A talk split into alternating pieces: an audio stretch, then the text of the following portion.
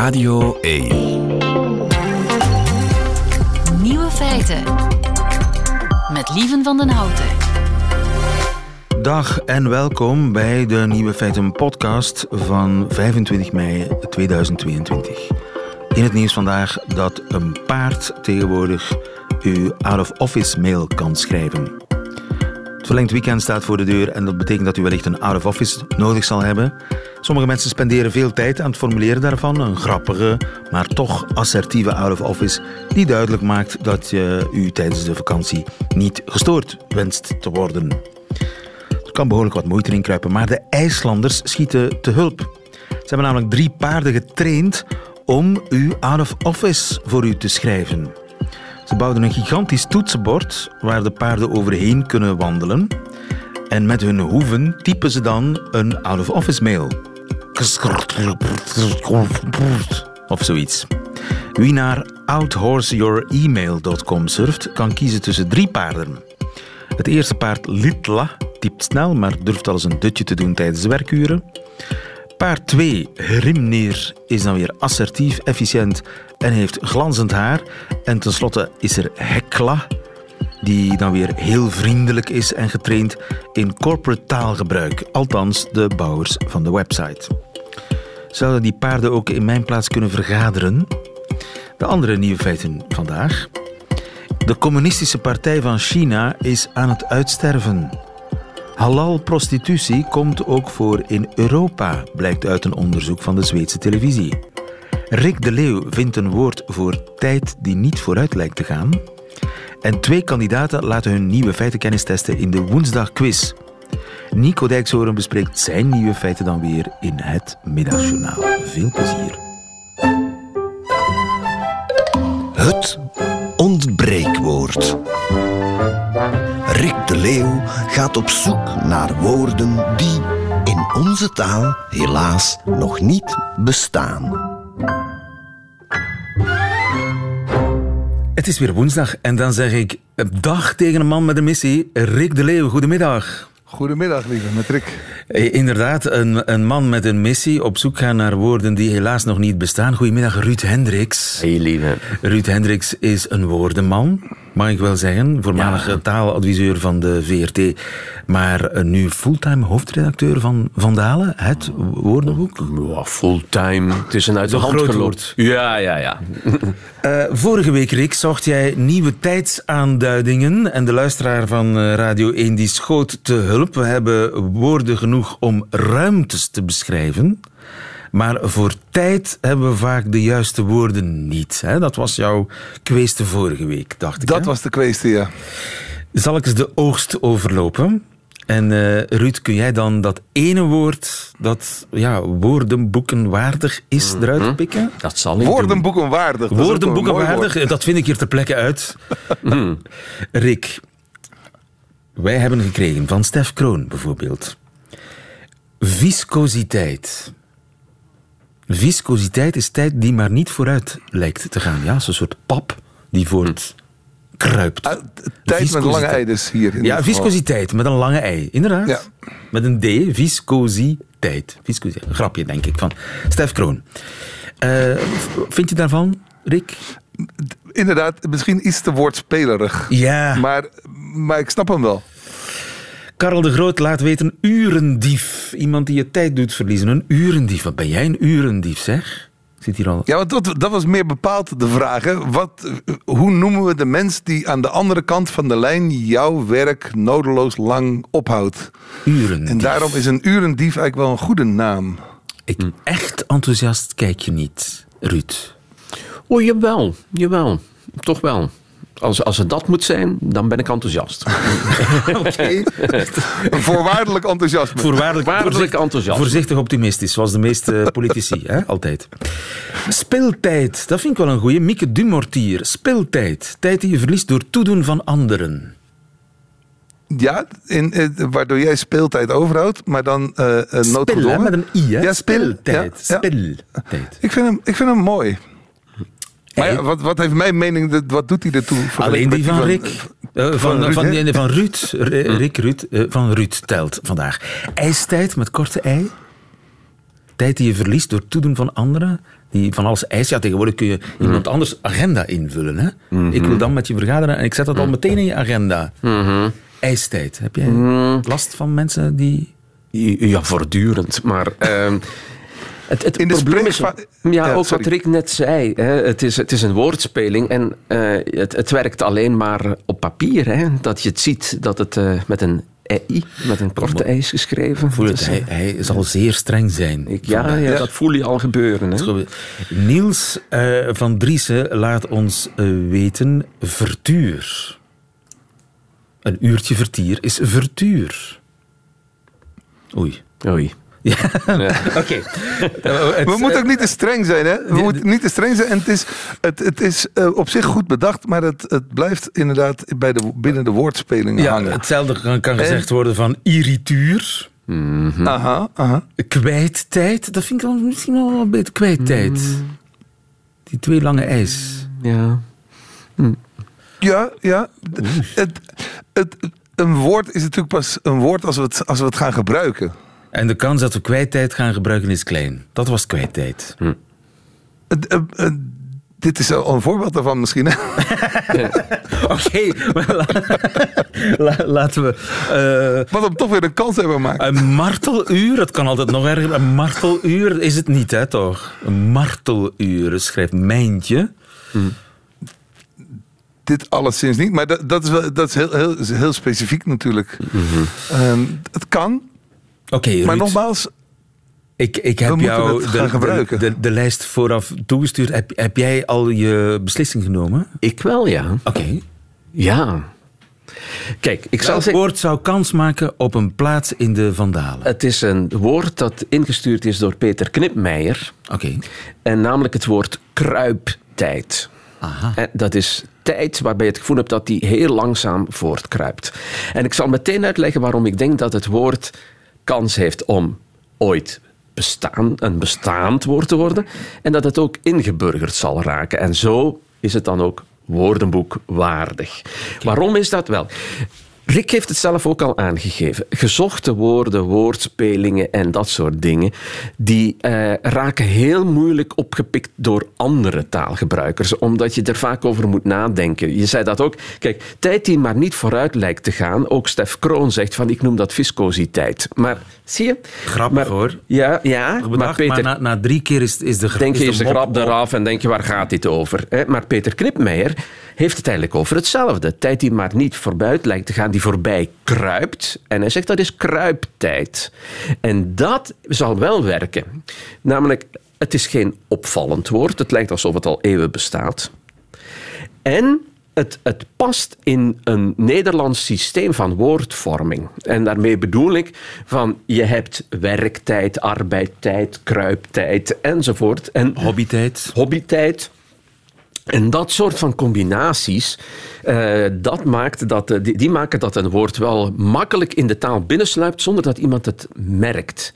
En dat zijn meestal woorden die kans hebben om echt te gaan Oké, deze week komt op de ontbreekwoordenlijst kruiptijd. In de hoop Ja. dat het ooit, als het opgepikt wordt en voorkomt in krantenartikels en in het Enzovoort, algemene taalgebruik, dat het misschien ooit, wat zou een eer zou zijn voor Peter Knipmeijer, ooit in het eh, woordenboek eh, terechtkomt. Ben je gelukkig met kruiptijd, Rick de Leeuw?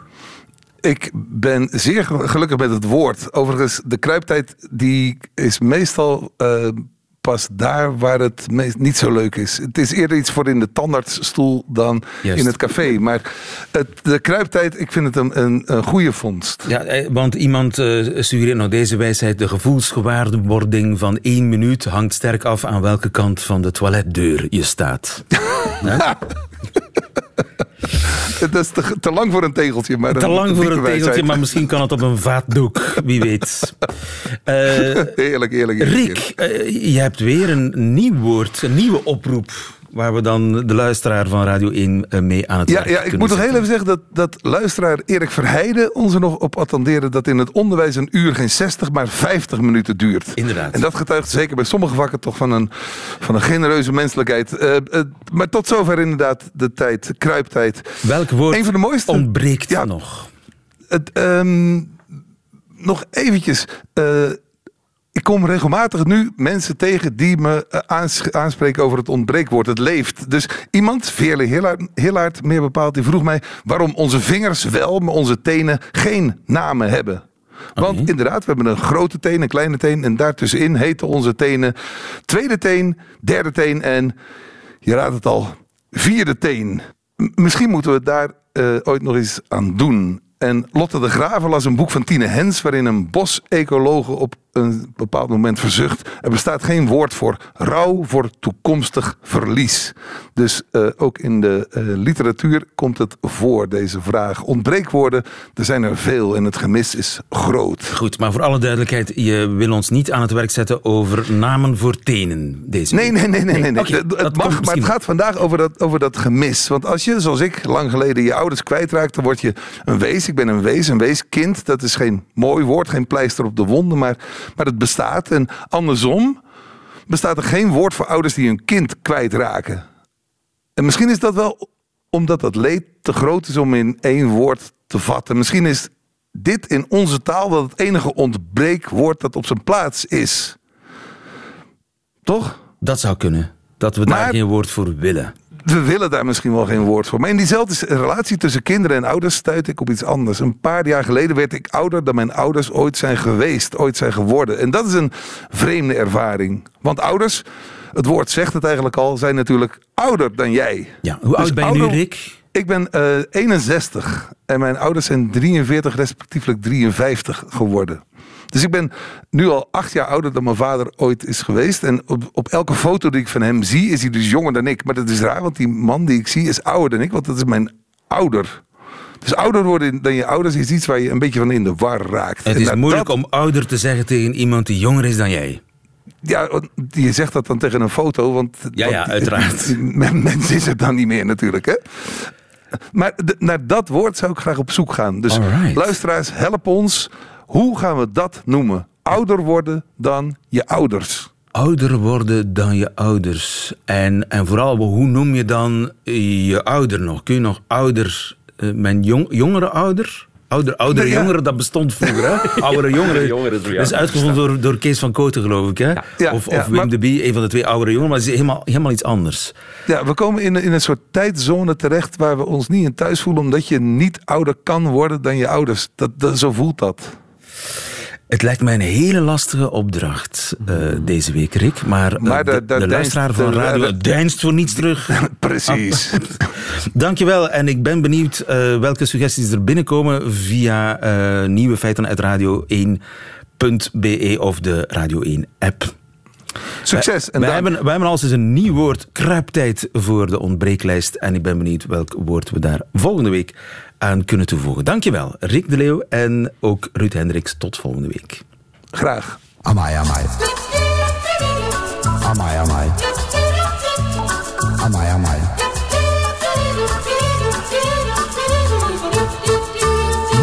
Feiten. De Communistische Partij van China is aan het uitsterven. Veerle de Vos, goedemiddag. Goedemiddag. Je bent onze China-kenner.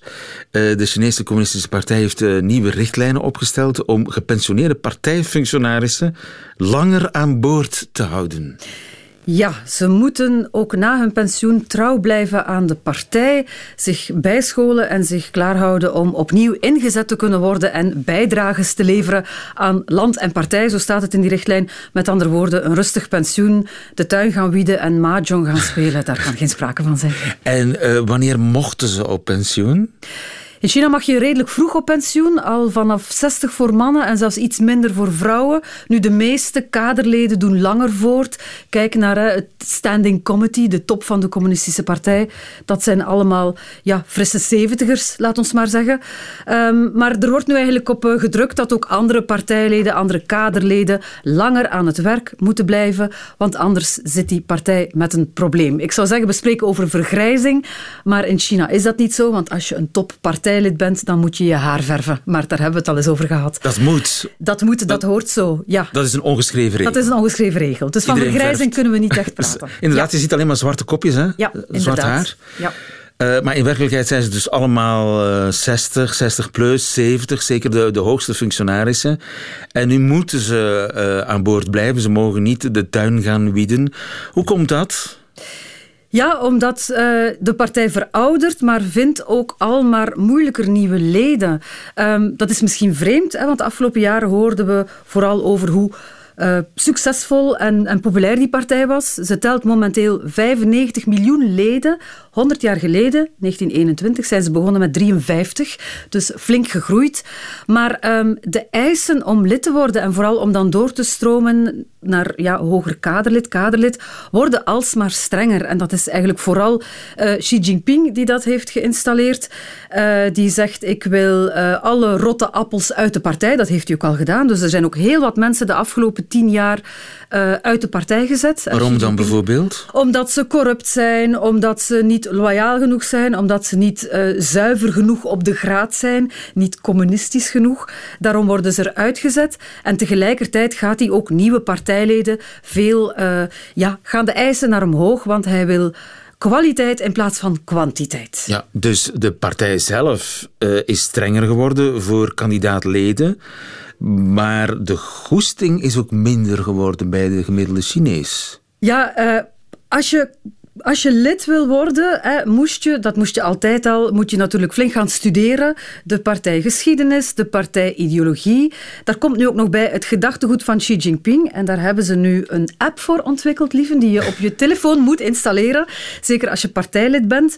Wat zou Xi Jinping doen of denken? Ja, voilà, inderdaad, want zijn gedachtegoed is ingeschreven in de partijideologie intussen, net zoals dat met Mao het geval was. En sterker natuurlijk, China zou China niet zijn als de partij ook kan controleren hoe lang je per dag op die app zit. Dus als je lid wil worden, moet je toch wel een uur doorbrengen op de app van Xi Jinping. Uh, je moet rapporten schrijven, je moet aan zelfkritiek doen. Enfin, allemaal dingen die jonge mensen Een soort kloosterachtig leven. Ja, voilà, dat is een beetje het probleem. Dan komt er ook nog bij, uh, je, kan je, dan, je wordt dan aanvaard als kandidaatlid um, door een, het lokale partijcomité. Maar dan komt er ook een heel grondig onderzoek. En ook dat is nieuw.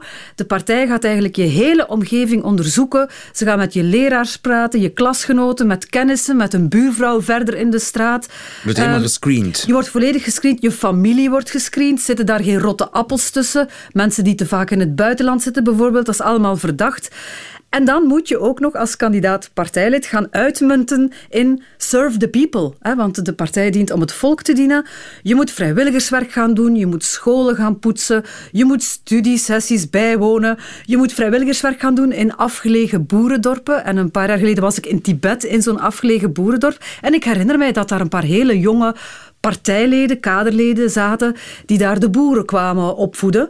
Dus dat zijn natuurlijk allemaal dingen waar ja, waarom zou je nog? Waarom zou je nog, inderdaad? Waarom zou je Staat daar iets tegenover? Is je bedje gespreid? Krijg je dan een geweldige carrière? Ja, dat was natuurlijk de reden waarom heel veel mensen de afgelopen decennia lid werden. Je ontwikkelt een, je krijgt ineens een enorm netwerk cadeau. Hè? Die 95 miljoen mensen behoren dan tot jouw netwerk in jouw partij. Uh, ja, je kon makkelijker carrière maken. Ook de reden waarom heel veel zakenmensen lid werden van die partij. Goed voor hun bedrijf. Maar ja, het zijn juist die mensen die Xi Jinping liever niet meer ziet komen. De opportunisten, de mensen die het doen om deel van de club te zijn. Hij wil mensen die... Hij wil echte gelovigen. Gelovigen die zijn gedachtegoed ondersteunen, die zijn visie delen, die ernstig zijn. En ja, Chinese jongeren zijn ook maar jongeren. En ja, die hebben daar misschien minder zin in. Dus ze zitten daar met een probleem. Ja, en zal hij dan van visie of van politiek, van beleid veranderen? Zal hij soepeler worden, denk je? Ik vrees dat het er niet zo goed uitziet. Uh, we hebben het hier een tijd geleden ook gehad hè, over het feit dat ja, jongens moeten terug mannelijk worden, mogen geen oorbellen dragen. Er is een ban op gamen. Uh, die muziekvideo's worden offline gehaald, vindt hij allemaal maar niks. Vrouwen moeten dan weer aan de haard. Uh, het, het, lijkt er een beetje op dat hij de aansluiting met de jeugd, met de Chinese jeugd, aan het verliezen is. En de vraag is of dat omgekeerd gaat worden. Ik vrees er een beetje voor, eerlijk gezegd. ja spannend, lijkt mij. In de, in, in de nabije toekomst, maar ook in de verdere toekomst. Ja, het ziet er, je zei zelf, gaat snel veranderen. Normaal gezien, Xi Jinping is acht jaar aan de macht. Normaal gezien loopt zijn termijn af. Um, maar hij heeft al gezegd dat hij zich in november opnieuw kandidaat gaat stellen. Hij wil er nog vier jaar bij doen als frisse zeventiger. En uh, ja, dus vrees ik dat ook zijn politiek en zijn visie ook de komende jaren het Chinese landschap gaan blijven overheersen. Ja. Je blijft het voor ons volgen. Waarvoor dank, Vele de Vos. Goedemiddag. Nieuwe feiten. Halal-prostitutie komt ook voor in West-Europa, blijkt uit een reportage van de Zweedse televisie. Een uh, undercover-journaliste van de SVT, dat is de Zweedse VRT zeg maar, die is erin geslaagd om zichzelf voor twee maanden te verhuren aan een man voor ongeveer 2000 euro. En dat met de zegen van de imam.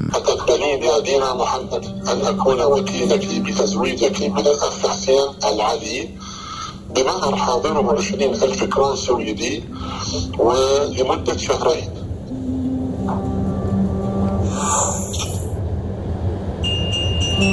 تمام؟ تمام Neemt gij deze man voor twee maanden tot echtgenoot voor 20.000 kronen? Oké, zegt de vrouw. Een fragmentje uit uh, een programma van de Zweedse televisie. Jeroen Visser, goedemiddag. Goedemiddag. Onze man uh, in Zweden en ook goedemiddag Lupna Kalkari. Goedemiddag. Collega bij VRT Nieuws, hier bij Franks. Uh, tijdelijke huwelijken die bestaan in de Shia-traditie, Lupna, dat bestaat. Ja, dus um, het komt voornamelijk nog voor uh, in Iran en Irak. Uh, vooral bij de Shiiten. Dat is eigenlijk de tweede grootste um, stroming binnen de islam. Um, en daar wordt dat nog uh, uitgevoerd. En dat zijn mutta-huwelijken. Dat heet mutta. Wat betekent mutta? Ja, dus um, in het Arabisch wordt zo'n huwelijk uh, mutta genoemd. En dat betekent letterlijk plezier. Vandaar dus plezierhuwelijken. Oh, het is eigenlijk een huwelijk voor, voor het plezier. Ja, inderdaad. Uh, het komt dus daarvoor namelijk nog voor. Maar over het algemeen, dus het Soenisme, de, de meerderheid van de moslims, die verketteren dat. Ja. Maar dus plezierhuwelijken, dat duidt erop dat het toch daarom, dat het draait om seks. Het draait om seks, maar omdat seks nog zo'n groot taboe is en omdat het verboden is buiten het huwelijk, proberen ze eigenlijk de regels te omzeilen door er ja, een, uh, iets, uh, een, uh, een alternatief voor te vinden. En de looptijd van dat plezierhuwelijk, dat, dat varieert? Dat, dat varieert. Dat kan dus um, dat kan enkele uren zijn tot een paar maanden. En maar heel vaak, en dat is wel belangrijk om te weten, heel vaak weten die vrouwen niet of willen die vrouwen niet in zo'n plezierhuwelijk stappen. Ze willen dat niet, maar ze doen het wel. Onder druk van? Ja, dus onder druk van, vaak zijn dat uh, gemarginaliseerde vrouwen, vrouwen die geld tekort hebben. Um, omdat ja, zo'n huwelijk, je krijgt ook een bruidschat, zoals een normaal huwelijk. Er wordt betaald. Er wordt dus betaald. Dus eigenlijk is het echt ja, een vorm van, van prostitutie. Hè? Legale prostitutie, halal prostitutie, zeg maar. halal prostitutie, zeg maar, ja. En precies daarover ging die reportage in uh, Zweden. Hoe hebben ze dat aangepakt, uh, onze collega's bij de SVT, met undercover journalisten? Ja, het ging, uh, zij hadden medewerkers die Arabisch spraken en die ook medewerkers van het programma waren. Hè. Het gaat om een onderzoeksprogramma van de Zweedse televisie. Ja, en die medewerkers die Arabisch spraken, die hebben zich voorgedaan als, nou ja, het was een man en een vrouw. Die man deed zich voor als iemand die een vrouw zocht om korte tijd mee door te brengen. En die vrouw die deed zich voor als een, als een vrouw die geld nodig had. Ja, en ze hebben ongeveer 30 moskeeën gebeld over heel Zweden. Ja, ook, ook in het buitenland, maar in Zweden, de meeste in Zweden. En veruit de meeste uh, van die moskeeën die wilden wel meewerken aan deze vorm van uh, trouwen, plezierhuwelijken. Ja, en het was zelfs zo dat in veel gevallen de imam zelf zich, kan die, zich geroepen voelde om die vrouw te helpen. Ja, dat was bijvoorbeeld die vrouw die zich voordeed als iemand die geld nodig had. Hè, iemand die dus in een hele kwetsbare positie zit. Die, die belde met de imam en, en die imam zei, ja, dat kan wel geregeld worden. Uh, wanneer heb je tijd? Dan ontmoeten we elkaar uh, binnenkort. En dus die vrouw vroeg van, gaat het dan, gaat het dan om u, meneer uh, de imam? Ja, ja, ja, maar houd wel tussen ons, zei hij. Dus ja, zo ging het. En Loepna, die, die huwelijken, die vinden vaak telefonisch plaats. Ja, dus die kunnen ook echt puur telefonisch plaatsvinden. Nu, het is wel belangrijk om te weten, een imam heeft een, heeft een heel grote verantwoordelijkheid en ook een gezagspositie. Dus die vrouwen die vertrouwen die imam ook. Maar die... Dus zij denken echt dat zij geholpen worden of, of, of dat er een oplossing komt, maar ja, die, die, die, die zitten heel hard onder druk en daarom gaan die zo'n huwelijk aan. Maar het is niet dat zij dat willen, dus daarom is dat echt ook een vorm van, van uitbuiting. Uitbuiting. Met medewerking en de zegen van de imam. De imam die uh, een percentje krijgt, uiteraard, neem ik aan. Die doet dat niet voor niets. Nee, dat klopt. Die, kreeg, uh, die vroeg ook in de uitzending ook uh, een deel van de, de bruidschat. Hè? Die, de bruidschat, zoals uh, je collega al vertelde, is, uh, is, is, wordt gezien dan uh, als een echte bruidschat. Ook al duurt het huwelijk soms maar een maand of een, of een uur. En, en, en een percentage gaat dan naar de imam. En dat hebben ze ook op beeld, of nou ja, via de telefoon werd dat huwelijk dan uiteindelijk ook afgesloten, zoals je al zei. En daarin wordt dan ook inderdaad gezegd dat die imam ook een, een deel van het geld krijgt. Eh, ze hebben het ook gevraagd aan de hoogste leider van de Shia in Zweden. Hoe reageerde hij op, op hun verhaal? Ja, die was wel geschokt. Ja. Dat is op zich wel een mooie televisie geworden. Want die man uh, ja, die is letterlijk met stomheid geslagen. Dus die moet echt even tijd hebben om dit allemaal uh, te verwerken. En dan wordt hij emotioneel. En hij zegt ook van ja, het ging al jarenlang ging het zo goed met ons hier en uh, waren er geen incidenten en nu dit. Ja, en je ziet hem ook echt heel emotioneel worden. Want hij heeft net in die uitzending daarvoor, uh, of in het, in, de, in het eerdere deel van de uitzending, heeft hij net verteld uh, dat uh, dit weliswaar voorkomt, dit, de, dit soort korte huwelijken, maar dat dat is om elkaar een beetje beter te leren kennen. Dus, dus hij een beetje... huwelijk, zo legde hij Precies, dat uit, dat mutaal Exact, ja. ja. En dan blijkt dat dus om een vorm van mensenhandel of prostitutie te gaan. Ja, en daar dus uh, hij kondigt dan aan dat hij allerlei maatregelen gaat nemen aan het eind van de uitzending. Ja, de, in de uitzending werd er ook naar eh, Den Haag getrokken. Ook daar vonden de, de undercover-journalisten zonder problemen imams die hen voor een paar uren tot een paar eh, weken wilden in het huwelijk doen treden. Ja, klopt. Kijk, het is helemaal niet gezegd dat dit nou een Zweeds uh, uh, verschijnsel is. Uh, de, kijk, als 15 van de 26 onderzochte moskeeën dit blijkbaar een goed idee vinden, dan uh, kun je er natuurlijk wel nagaan dat dit, dat dit wijd verbreid is onder Shiïtische moskeeën. Ja. Uh, en, en niet alleen in Zweden. Ja, ook in Duitsland, in Engeland, in Noorwegen komt het voor. Loepna, heb jij enig idee of dat hier bij ons ook voorkomt? Wel, we hebben hier een, een paar Shiïtische moskeeën, voornamelijk dan in Brussel, maar over de, de meerderheid van de moslimgemeenschap in, in, in België. Um, is wel Soenitisch. Dus normaal gezien, het zou mij wel erg verbazen, moest dat ook in Soenitische moskeeën uh, plaatsvinden. Uh, maar of het in Shiïtische moskeeën plaatsvindt, het antwoord op die vraag is: we weten het niet. We weten het niet. Uh, je kunt daar ja, onderzoek naar doen, natuurlijk. Hè. Onderzoek? Misschien moet je je laten inspireren, Loepna, door de Zweedse collega's. Ja, ja, ja, ik ben erg geïnspireerd. Dan, dan wens ik je heel veel succes, uh, Lupna Kalkali. Uh, dankjewel. En ook dankjewel onze man in uh, Zweden, Jeroen Visser. Goedemiddag. Graag gedaan. Goedemiddag. Nieuwe feiten. Woensdag quiz. Uppdrag granskning. Zoiets. Ja. Zo, zo, heet het programma van de SVT. Ah, ik dacht dat het een of andere rare aankondiging was. Uppdrag granskning. Dat is uh, mission, uh, opdracht, onderzoeken. Het is een onderzoekstelevisieprogramma. Goed, uh, Gilles, jij bent erbij komen zitten, want jij hebt weer een zeer gevreesde woensdagquiz mm samengesteld. We spelen voor een boekenbon van 25 euro te gebruiken bij een onafhankelijke boekhandelaar aangesloten bij Confituur. En we spelen onder meer met Danny. Dag, Danny van Geel. Hallo, goedemiddag. Danny, wat was je aan het doen? Ik ben onderweg naar een vergadering. ik zit in de wagen. Toch. Danny toch. en ja. met, met wie moet je vergaderen? Met een uh, aantal mensen en een collega. Dus uh, het is op verplaatsing de vergadering. Het klinkt heel onheilspellend. Inge. Dag Inge Aerts uit Hasselt. Wat was jij aan het doen? Um, ik was aan het koken. Ah, wat schaft de pot? Mexicaanse rap. Oh, Inge, heb ik daar nu zo zin in toevallig? Ja. Maar nee, we gaan quizzen. Voorlopig. Ik ga jullie kennis testen van vier nieuwe feiten. Ik begin bij Danny, die zich het eerst heeft gemeld. Zolang jij juist antwoordt, Danny, blijf je aan de beurt. Bij een fout antwoord gaat die beurt naar Inge. En wie het laatste nieuwe feit goed kent, die wint deze quiz. Voilà, de regels zijn duidelijk. De vorm van een stad op de kaart, vierkant, langwerpig, rond, die vorm die heeft een invloed op de stad in kwestie. Blijkt uit nieuw onderzoek. Wat bepaalt die vorm? A. De hoeveelheid fietspaden. B. De hoeveelheid regen. C. De hoeveelheid gaybrapaden. Dat is B. Wow.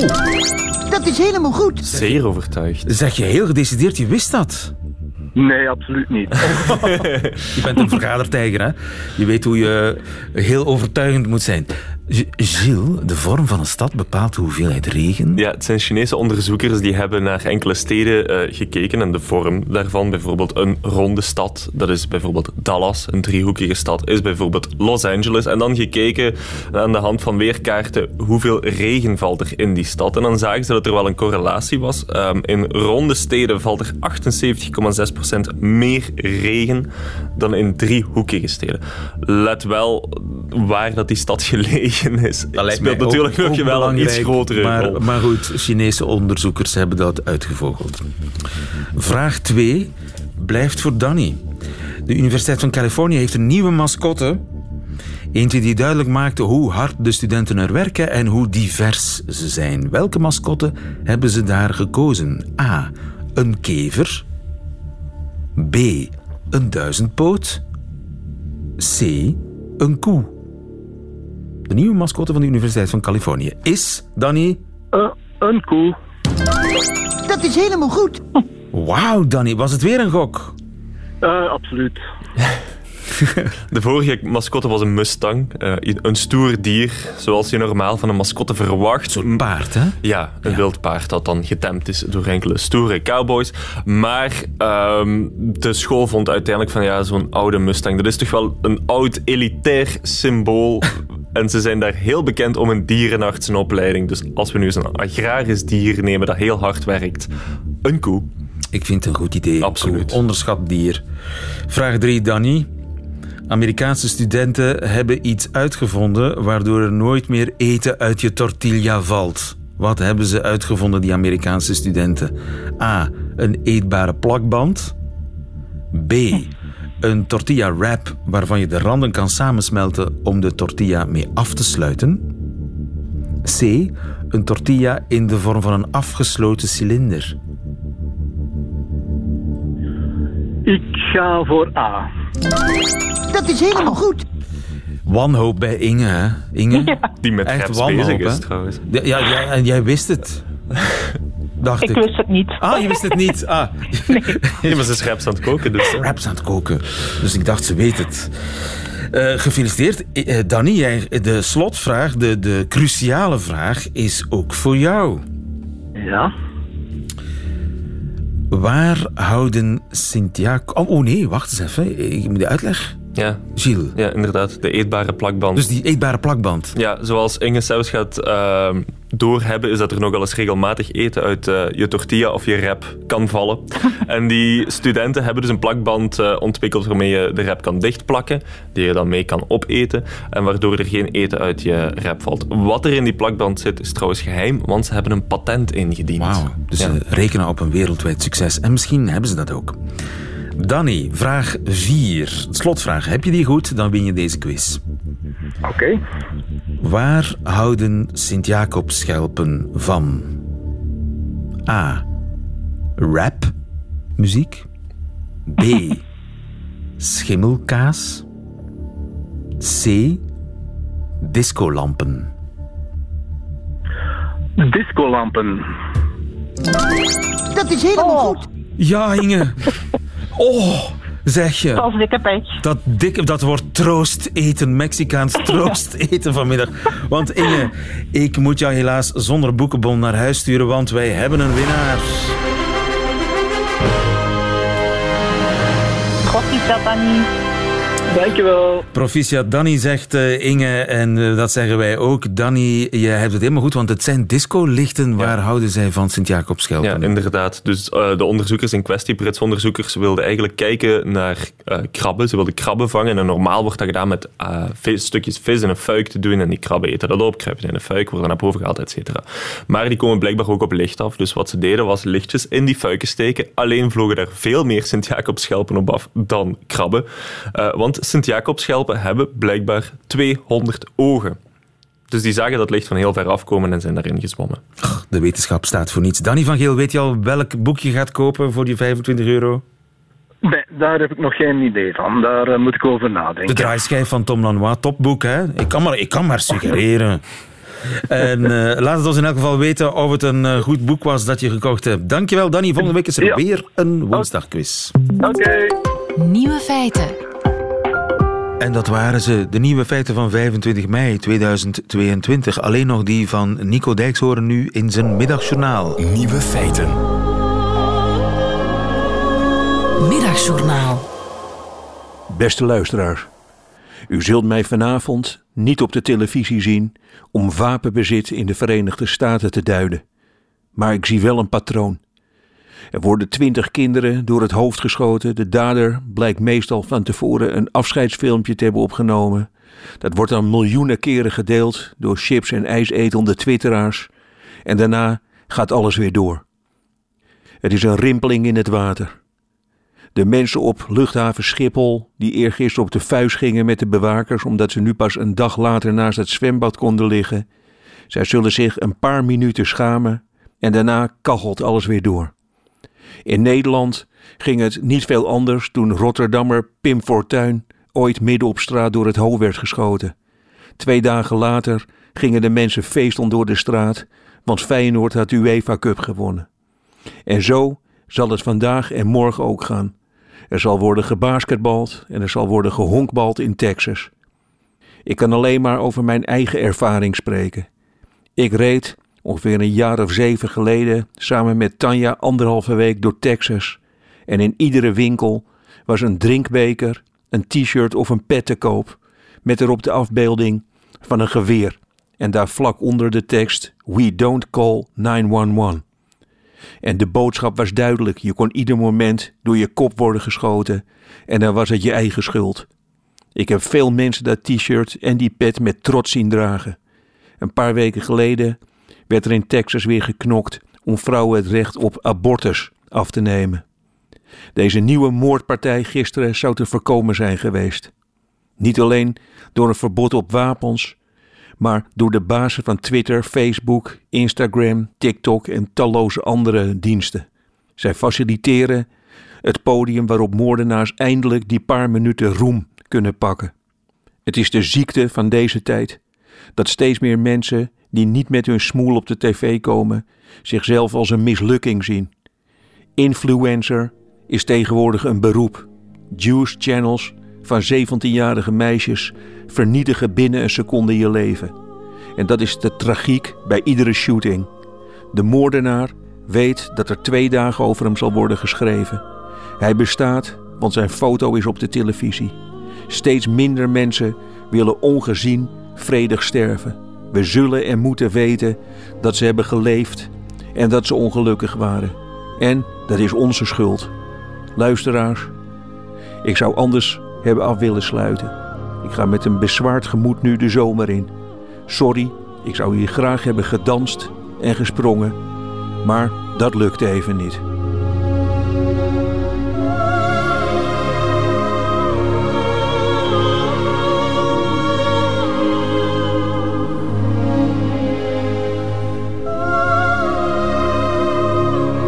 Het middagjournaal met Nico Dijkshoorn. Einde van deze podcast. Hoort u liever de volledige nieuwe feiten. Dat wil zeggen met de muziek erbij. Dat kan natuurlijk on demand via onze website en via de Radio 1 app. Of gewoon live ouderwets op de radio elke werkdag tussen 12 en 1. Tot een volgende keer.